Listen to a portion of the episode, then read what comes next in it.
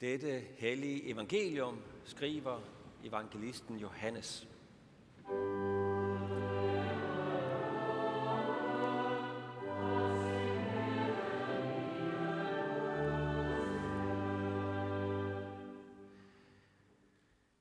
Judas, ikke Iskariot, sagde til Jesus, Herre, hvordan kan det være, at du vil give dig til kende for os, men ikke for verden? Jesus svarede ham, den, der elsker mig, vil holde fast ved mit ord, og min fader vil elske ham, og vi skal komme til ham og tage bolig hos ham. Den, der ikke elsker mig, holder ikke fast ved mine ord. Og det ord, I hører, er ikke mit, men faderens, som har sendt mig. Sådan har jeg talt til jer, mens jeg endnu var hos jer. Men talsmanden Helligånden, som faderen vil sende i mit navn, han skal lære jer alt og minde jer om alt, hvad jeg har sagt til jer. Fred efterlader jeg jer. Min fred giver jeg jer. Jeg giver jer ikke, som verden giver. Jeres hjerte må ikke forfærdes og ikke være modløs. I har hørt, at jeg har sagt til jer, jeg går bort, og jeg kommer til jer.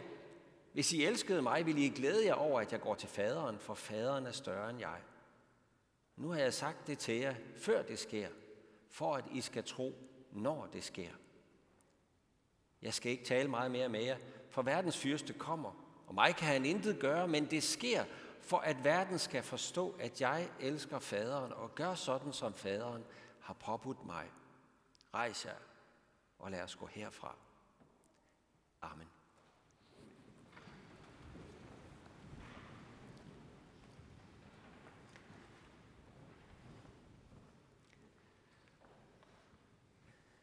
Pinse er ikke en højtid, der fylder ret meget i det kirkelige eller folkelige landskab i dag. Det er også kun en enkelt dag selvfølgelig. Men det er alligevel lidt underligt, fordi det er så central en højtid i kirkeåret, som det er. Det er et klimaks. Pinsen forkynder et klimaks på Guds frelsesplan. Okay, et forløbigt klimaks. Vi er ikke nået helt hjem endnu. Men alligevel et fuldstændig uomgængeligt og vidunderligt klimaks, der fortjener vores fulde opmærksomhed. Pinsen handler om åndens komme, og så langt er de fleste af os, i hvert fald også der går i kirke, jo med og forstår åndens komme. Og der er heller ikke nogen af os, der er i tvivl om, at det er et godt budskab. Det er skønt. Åndens komme. Men jeg kan alligevel ikke ryste det indtryk af mig, at netop det her med åndens komme, at det er med til at gøre pinsedag til, til noget, der er lidt vanskeligt for os faktisk. Lidt luftigt, lidt ikke jordnært. Jesu fødsel, okay, Jesu komme, det, det kan vi bedre os ligesom, der er noget håndtag at tage fat i.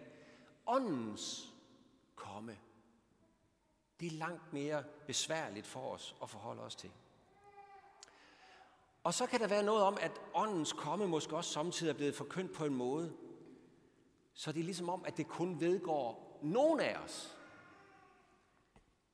Det er kun nogen af os, der ligesom øh, går den vej med det der med, med ånden. At det med ånden, det ligesom skulle være kristendom plus kristen ekstra.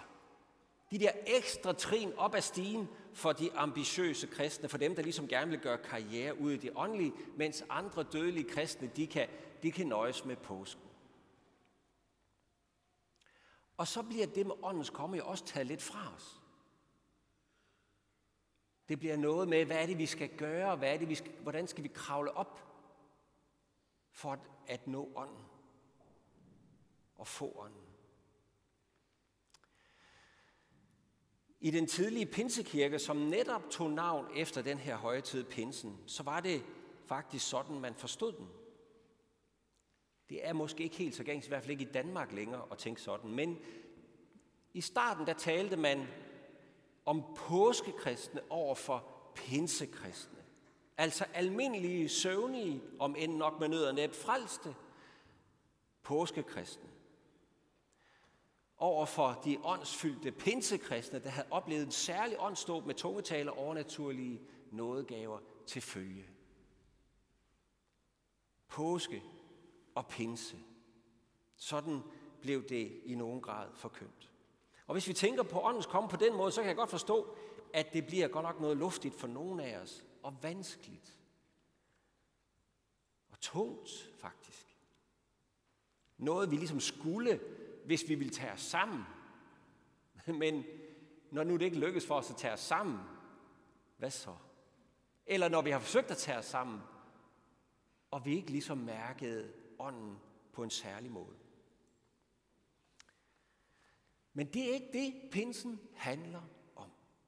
Så har vi misforstået pinsen, og det er der heldigvis mange, der godt vil øh, gå med på i dag. Pinse er ikke et tillæg til påsken. Det er påskens klimaks. Eller måske mere præcis, det er en sætten i effekt, en effektuering af påskens sejr over synd og død. Pinsen den giver ikke noget andet, noget plus i forhold til påsken, men den formidler præcis det, der blev vundet i påsken for os. Det, der blev vundet, flytter ind i vores liv. Det er pinse. Når man skal forstå, hvad pinse handler om, så er det værd at hæfte sig ved det allerførste vers, der står i Apostles Gerninger. Der står, da pinsedagen kom, var de alle forsamlet, disciplene. Det vil sige, før det blev kristen pinse den dag, da Helligånden kom, så var disciplene allerede samlet for at fejre pinse. Pinsen var allerede en fest, en jødisk højtid. Ligesåvel som påsken allerede var det en jødisk højtid, før Jesus kom. Jesus kom for at opfylde påske, pinse og løvhyldefest, den tredje store fest i jødedommen. Det var det, han kom for. Pinsen var allerede en jødisk højtid. Og det, der skete på pinsedagen, det var lige så meget en opfyldelse af den jødiske pinse, som påske var en opfyldelse af den jødiske påske. Og måske bliver det lidt lettere for os at få fat i pinsens betydning, hvis vi gør os det klart. Og derfor vil jeg gerne lige tage tid til at rejse tilbage til Sinai-pakten. For det er en skabelon, vi kan bruge til også at forstå den nye pagt. Og få det ind i vores hoved, hvad pinse handler om. Det jødiske kirkeår, det var jo netop, ja, de fejrede Guds frelse i den gamle pagt, knyttet til Sinai-pakten. Det var historien om udvandring fra Ægypten, pakslutningen ved Sinai bjerg og vandringen på vej mod det forjættede land. I påsken fejrede man udvandring fra Ægypten, det ved hvert søndagsskolebarn. I pinsen fejrede de pakslutningen ved Sinai bjerg. Lovens gave, Gud der flyttede ind i tabernaklet hos dem. Det var det, de fejrede i pinsen. Og i den tredje store fest, løbefesten, den sidste fest, festårets absolute klimaks, ja, der kom de til at fejre en fest for Guds riges endelige finale komme, som de ventede på og håbede på. Og se, i den her historie, i det gamle testamente, som er forbilledet for det nye testamente, en skygge på virkeligheden, der kom i Jesus, der kan man ikke skille påske og pinse ad. Det kan ikke lade sig gøre. Det er umuligt. Man kan ikke have det ene, uden at have det andet. Hvis ikke du har pinsens pagt, har du heller ikke udfrielsen. Så har du ingenting.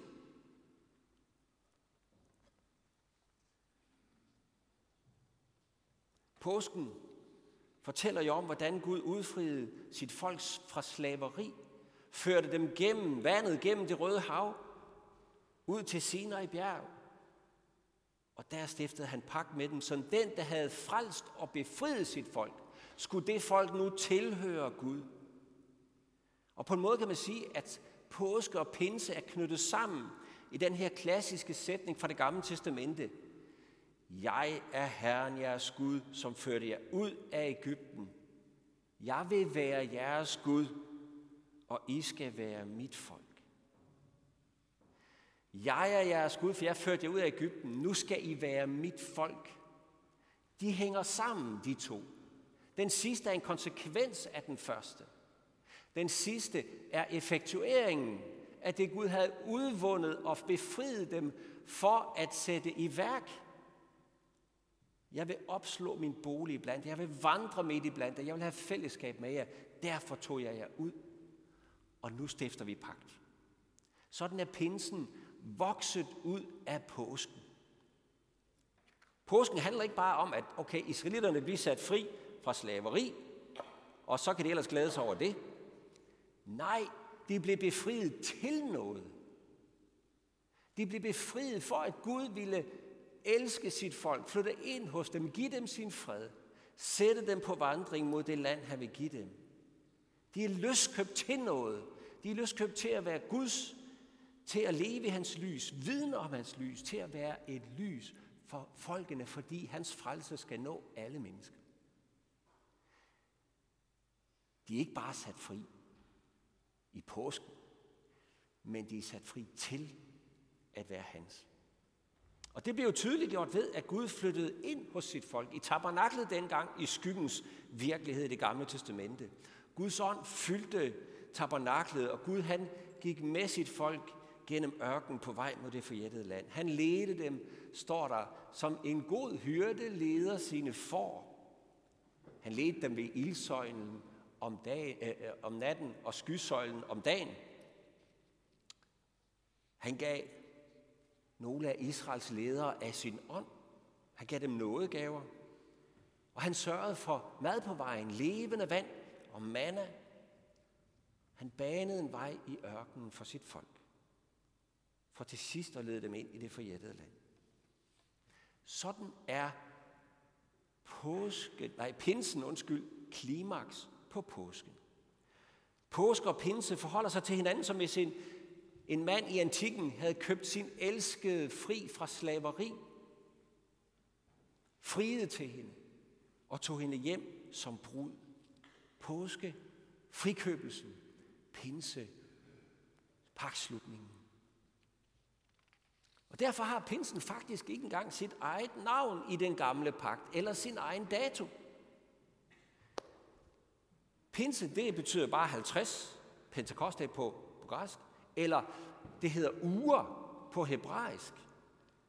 Fordi man skulle tælle syv uger, eller 49-50 dage, fra påske for at komme til pinse. Hvad betyder det? Det lander altid på den samme dato. Ja, hvorfor skal man så tælle? Det skal man, fordi pinse vokser ud af påske. Og hvis man skal have pinse, er man nødt til at have været til påske for at kunne tælle med og lande i pinsen. Sådan kaldte de gamle rabbiner også pinsen for påskens afslutning, påskens punktum. Den var kun en dag, men den har en enorm fylde, fordi det er der, der bliver sat et punktum. På alt det påsken giver, for nu sker det, nu flytter det ind i vores liv. Nu besejler det og fuldstændiggør det påskens store under. Og præcis det her forhold gælder også i det nye testamente. Forholdet mellem påske og pinse er præcis det samme. Jesus blev det sande påskelam. Ved hans død og opstandelse befriede han os fra vores slaveri under synd og død. Og så kunne vi tælle 50 dage, og så flyttede han ind hos os. Ind i den nye pagts Guds folk, for at tage bolig hos os. Ikke i et telt, men helt ind i vores hjerter ved sin ånd. Præcis som han sagde det her i vores prædiketekst, som er fra skærtorsdag, hvor han forberedte sine disciple på det, der skulle ske. Og han siger, den der elsker mig vil holde fast ved mit ord, og min fader vil elske ham, og vi skal komme til ham og tage bolig hos ham. Vi skal tage bolig hos ham. Det er pinsen. I påsken fjernede Jesus ved sin død på korset og ved sin opstandelse alle hindringer for, at vi kan være sammen med Gud og han med os. I pinsen flytter Gud derfor ved sin ånd ind i den kirke, han har vundet med sit blod. I påsken købte han os fri for at kunne flytte ind hos os i pinsen for evigt. I påsken vandt Jesus frelsen. I pinsen blev frelsen vores. Og ligesom påske og pinse i den gamle pagt var engangsbegivenheder, engangs frelseshistoriske begivenheder, så er påske og pinse i den nye pagt også engangsbegivenheder. Gud befriede Israel fra Ægypten en gang og stiftede pagt ved Sinai en gang. Jesus døde og opstod en gang, og Helligånden tog bolig i kirken en gang for alle. Så sidder vi tilbage med spørgsmålet, hvordan bliver det så pinse i mit liv? Hvad er det, jeg skal gøre, for at det er pinse i mit liv? Jeg var jo ikke med pinsedag. Hvor rammer pinsedag mig? Og der er vi så heldige, at det spurgte folkemængden også Peter om den dag, den store pinsedag, da de har set præcis de samme fænomener, som der skete ved Sinai bjerg og ved pakslutningen, så de Jerusalem med vindstød og flammer, der kom og satte sig på disciplen. Og så spørger de, hvad skal vi gøre, brødre, for at vi kan fordele i det, i den her nye pagt, som Gud sætter i værk. Det er jo lidt typisk for os, ikke? Hvad skal vi gøre? Hvordan kan vi tage det her? Hvordan kan vi købe det her? Hvordan kan vi forhandle os til det her? Hvad er det, vi skal gøre? Men okay. Peter svarede, omvend jer og lad jer alle døbe i Jesu Kristi navn til jeres sønders forladelse. Så skal I få Helligånden som gave.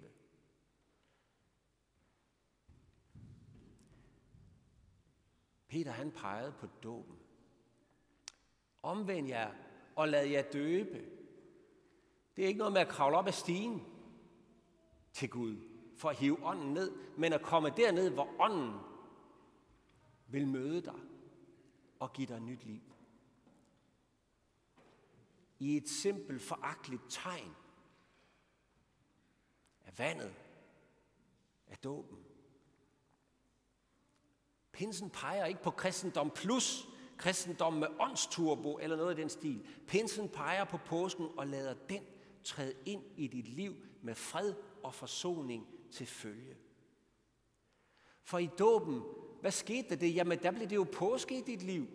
For der døde du med Kristus og opstod med ham, ikke? Pinsen, dåben, formidler påsken i dit liv. Forsoningen. Du døde og opstod med Kristus til søndernes forladelse. Du fik korsets tegn som, ansigt, äh, som et tegn for ansigt og bryst til et vidnesbyrd om, at du skal tilhøre ham. At nu flytter han ind ved sin helligånd. Du fik Guds fællesskab som gave. Den treene Gud tog bolig hos dig i ånden. Gud flyttede ind til sin elskede, som han har løskøbt. Han gjorde dig til sit tabernakel, til sit tempel, til sin helligdom, sit hellige sted. Og han vil bo og elske og fylde med sit nærvær. Sådan er pinse ikke noget højtflyvende for de særligt åndelige. Det er evangeliet om Guds nærvær, Guds tilstedeværelse i dit liv med al sin kraft og nådegave. Ikke fordi du kravler op af åndelige stiger til ham, men fordi han kravlede ned af stigen til dig, for at dele liv med dig, vandre med dig, være dit lys, være dit liv, og for at hans lys skal nå alle andre gennem dig og gennem os, der vandrer sammen. Og her er pinsens liv så ganske vist også en udfordring til os. En skøn udfordring til dig. En vidunderlig udfordring om at træde ind i det, du har i din dåb. Tag imod hans fællesskab hver eneste dag. Det, som Jesus siger i vores tekst i dag, til at holde fast i hans ord. Holde fast i hans ord. At lade sig fylde af ånden. At holde fast i hans ord. Det hænger sammen. Allerede på pinsedagen får vi et tip om, hvad det betyder i konkrete termer, for der står om dem, at de, som tog imod hans ord, altså Peters ord, de blev døbt. Den dag blev der fået næsten 3.000 mennesker til, og så står der om dem. Hvad gjorde de? De har spurgt, hvad skal vi gøre? Nu var de blevet døbt. Hvad gjorde de så? Nu i den nye pagt, hvor ånden er flyttet ind. Jo, de holdt fast ved apostlenes lære, ved Jesu ord, ved evangeliet, ved Guds ord. Ikke? De holdt fast i fællesskabet, Kristi læme, der hvor ånden er flyttet ind. De holdt fast ved brødets brydelse, ved nadvåren, den mad, vi skal have på vejen. Og de holdt fast ved bønderne. Egentlig et underligt udtryk. Hvorfor ikke bønden? Nej, bønderne. Hvad for nogle bestemte bønder? Jo, de bønder, de kendte. Det fader, hvor Jesus havde lært dem. De bønder, de kendte fra gudstjenesten. De holdt fast i bønderne, i gudstjenestens fællesskab. Det er det, vi kan gøre. Det er der, Guds ånds værksted er. Det har han selv peget på. Pinse, det er et klimaks i kirkeåret, men det er et forløbigt klimaks. Det skal vi også lige have med. Det er ikke det endelige mål. Det er ikke sluthistorien. Der er mere at sige. Gud flyttede ind hos sit folk pinsedag for at bo hos dem og lede dem gennem ørkenen der i sinai -pakt. Han flyttede ind hos dem, men der var jo en vandring, de skulle gå. Og der var en ørken, de skulle igennem for at nå helt hjem. Og der var slanger og skorpioner i den ørken, står der. Der var fjender, der ville dem det ondt. Der var modstand, lidelse, fristelser, og der var også kamp.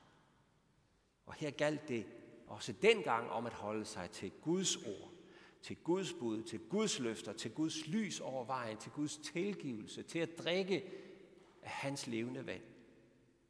Og præcis det samme i den nye pagt. Vi står det samme sted. Det er den samme historie. Vi har ved Jesu død og opstandelse fred med Gud. Det er det, Jesus siger til os i vores tekst i dag. Fred efterlader jeg jer. Min fred giver jeg jer. Vi har shalom, som det hedder på hebraisk. Helhed, det er det, shalom betyder.